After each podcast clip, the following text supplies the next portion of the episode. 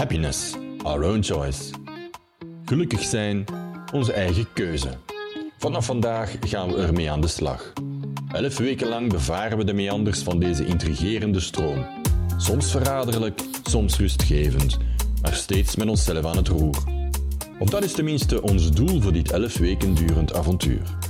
Mijn naam is Luc de Flem en wij horen elkaar elke donderdag om 11 uur 11, of toch ongeveer.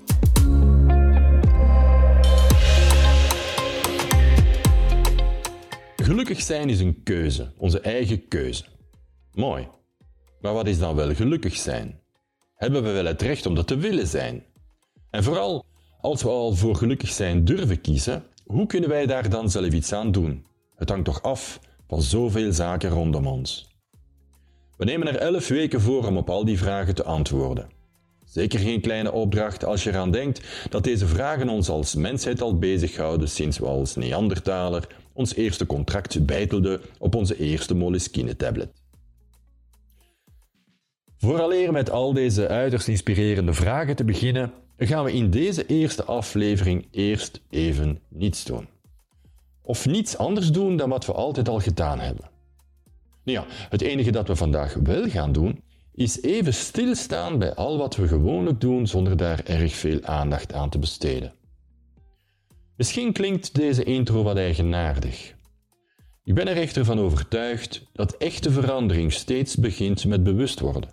En dat die verandering maar echt vruchten zal opleveren als ze ook zo begint.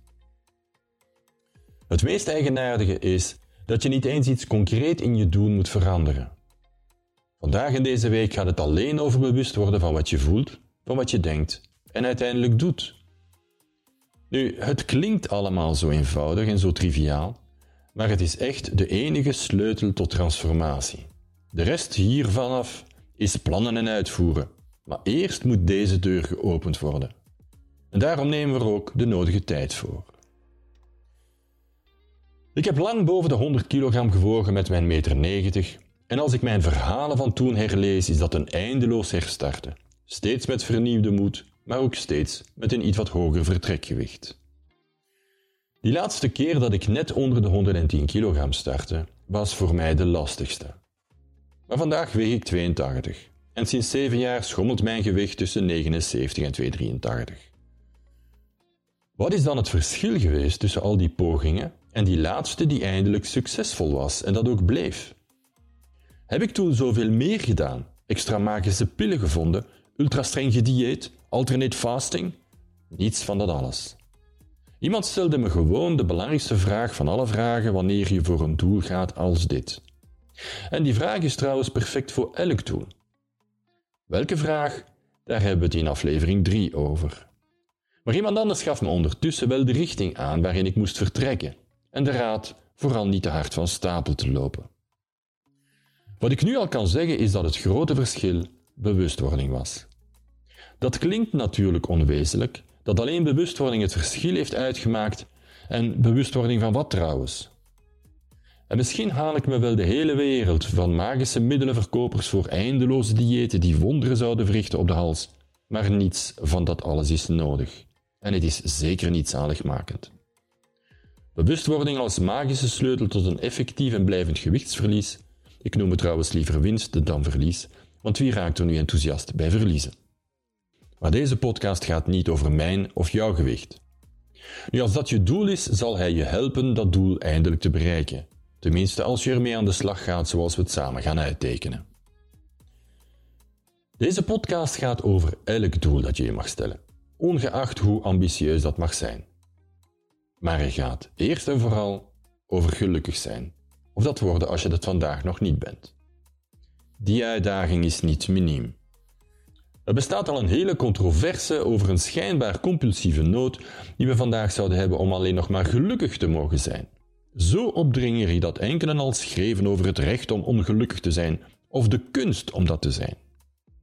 Mijn thesis is dat gelukkig zijn een keuze is, onze eigen keuze. En inderdaad, het is ook maar een keuze als je er ook voor kan kiezen ongelukkig te zijn. Dat is juist de definitie van keuze. Nu wil ik even een kleine zijsprong maken en het even over de laatste acht jaar hebben. Dat is ongeveer hoe lang ik al met mijn zekerheid dat gelukkig zijn een keuze is rondloop. De derde versie van mijn boek is nu in de maak. Niet dat een van de vorige ooit is uitgegeven. Ik ben er inderdaad nooit in geslaagd om het verhaal af te maken. Tot nu. Maar vooraleer het uit te geven onder boekvorm wil ik het verhaal eerst vertellen, om te kijken of er wel interesse is voor zo'n eigenaardig verhaal. Want als gelukkig zijn echt zo eenvoudig is als de keuze te maken dat te zijn, dan zou toch iedereen daarvoor kiezen? Zou je toch denken, hè? Dat sommigen ongelukkig zijn tot een kunst verheffen is wel duidelijk het bewijs dat niet iedereen voor gelukkig zijn kiest. Het moet dus toch niet zo eenvoudig zijn als ik het voorstel. Maar dat is nu juist het leuke van het verhaal. Zoals ik daarnet aanhaalde, is het maar een keuze omdat je er ook en evengoed kan voor kiezen dat niet te zijn.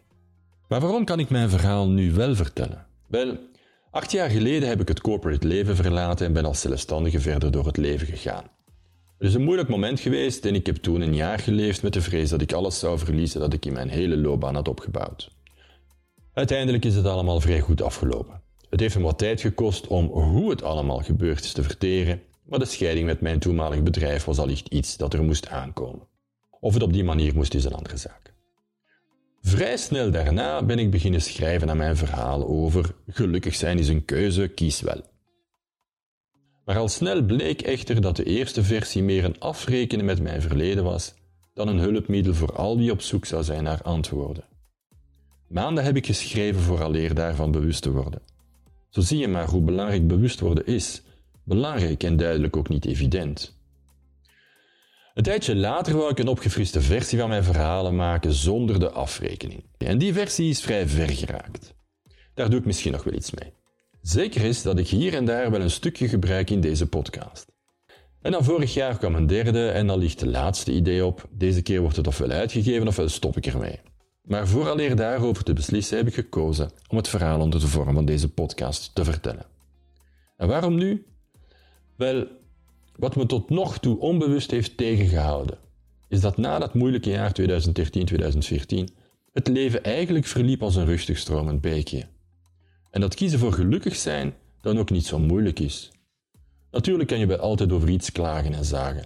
Maar als je daar iets wat bewust mee omgaat, hou je dat allemaal wel binnen de perken.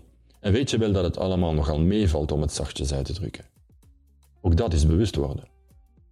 Tot 2020, 2021. De coronacrisis heeft in sommige sectoren heel lelijk huis gehouden. En wij zijn er wel heel erg hard op onze bek doorgegaan. Wat dat juist inhoudt, vertel ik in volgende aflevering. Want juist dat verhaal maakt van mijn halfgekookte slogan dat gelukkig zijn een keuze is, een uiterst harde levenswijsheid. Pas als het allemaal niet meer zo eenvoudig is, pas als je heel hard tegen de plaveien gaat, wordt kiezen voor gelukkig zijn een echte keuze. Niet eens de meest eenvoudige.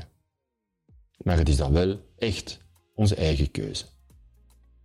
Dat is de reden waarom ik vandaag wel met deze podcast kan van start gaan. Dat is de reden waarom dat boek er zal komen als de podcast een succes heeft. En dat is vooral de reden waarom gelukkig zijn echt een keuze is. Want er zijn in het leven dikwijls redenen genoeg om anders te kiezen. En ook dat is dan onze eigen keuze. Goed, we hadden het over bewustzijn. Wat is bewustzijn? We gaan even terug naar het begin van ons verhaal. We hadden afgesproken dat we vandaag niets speciaal doen behalve bewust worden of bewuster worden van wat we meestal half of helemaal automatisch doen denken of voelen. Maar laten we al onmiddellijk heel concreet van start gaan.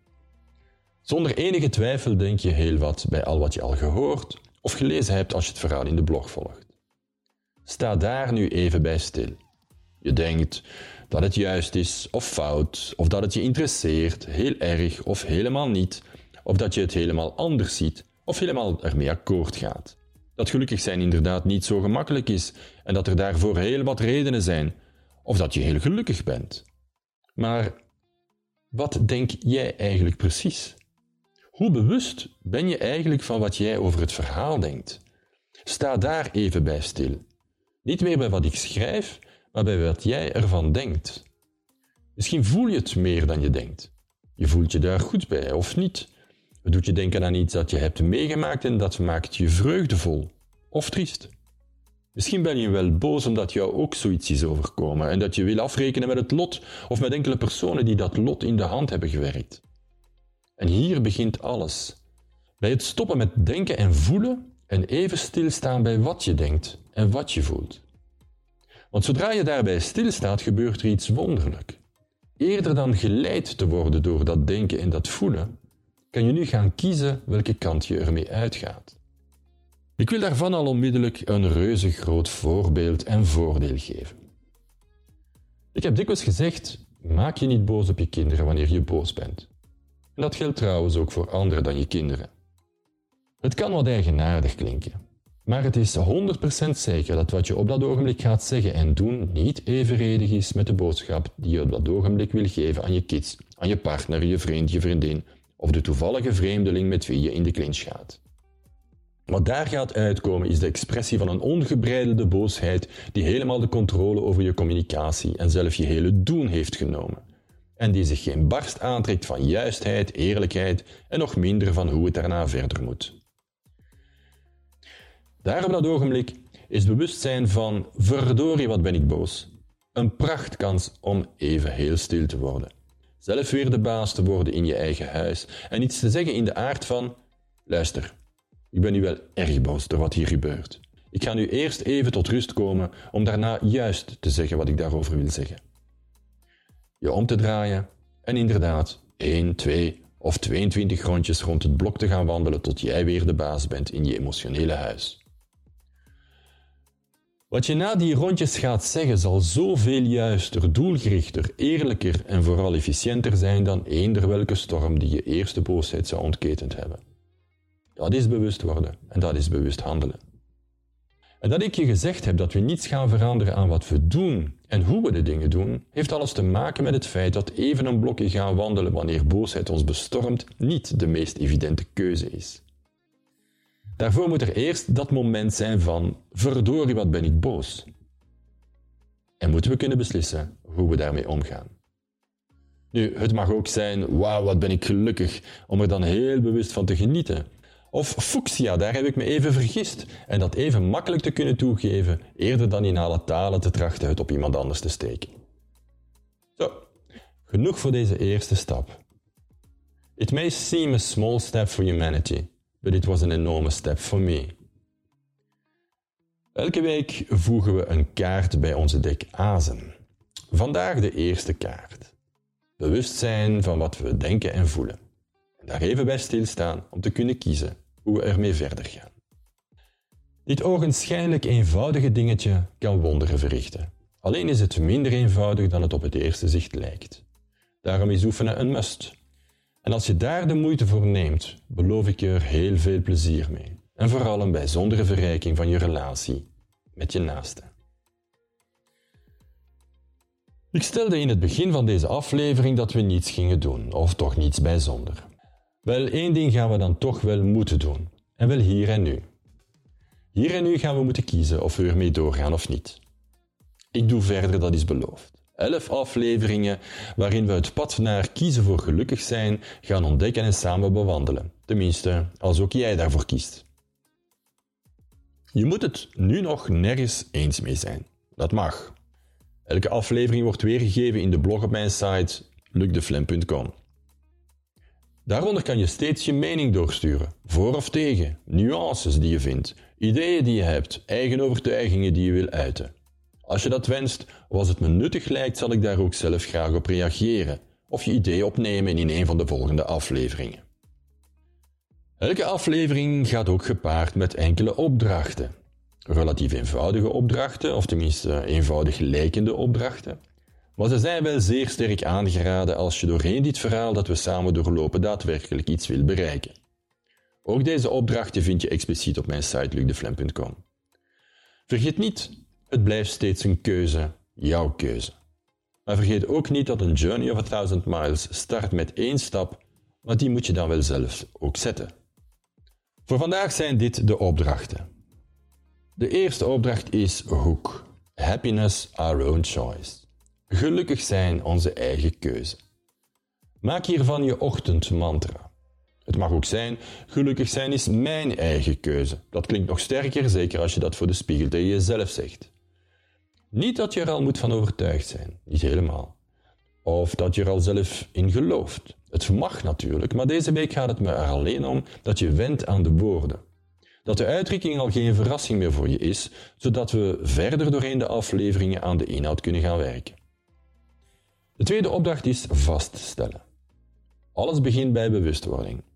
De tweede opdracht is dus regelmatig even stil te staan bij wat je denkt, bij wat je voelt, je boosheid, je gevoel van zaligheid, je vermoeidheid, je enthousiasme. Je hoeft er nog niets mee te doen, alleen vaststellen dat het er is. Verdorie, wat ben ik boos wanneer je boos bent. En doe je er al mee wat ik hierboven voorstelde, prachtig. Heeft je boosheid de bovenhand genomen en heb je dat kartonnen bord dwars door de keuken gegooid, stel dan ook dat vast. Ja, mijn boosheid was in controle. Maar ik ben dan toch zo slim geweest een kartonnen bord te nemen en glimlach even aan jezelf. Wat er ook mogen gebeurd zijn, stel het bewust vast. De derde opdracht is: stel je nog geen doelen. Deze klinkt misschien nog het gekst van alles. Maar inderdaad, stel je nu nog geen doelen. Ga gewoon even mee met de stroming.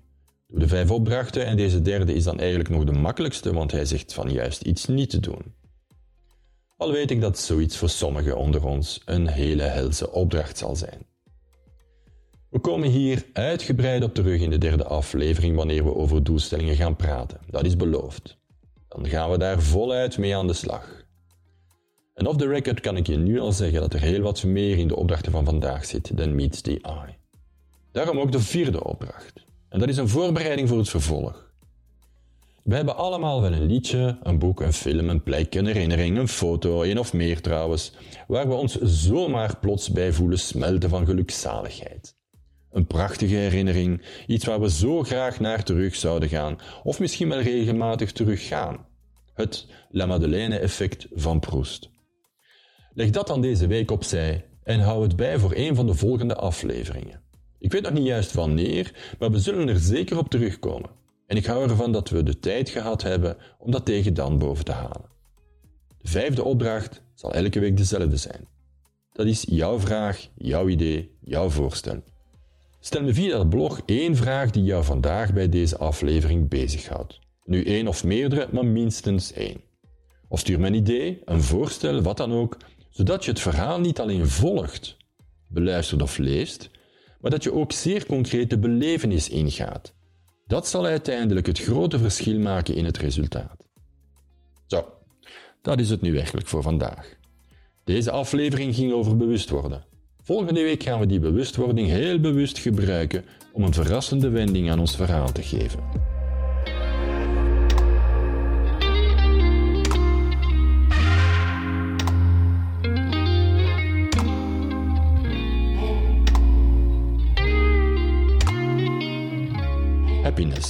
Our own choice. Gelukkig zijn is een keuze.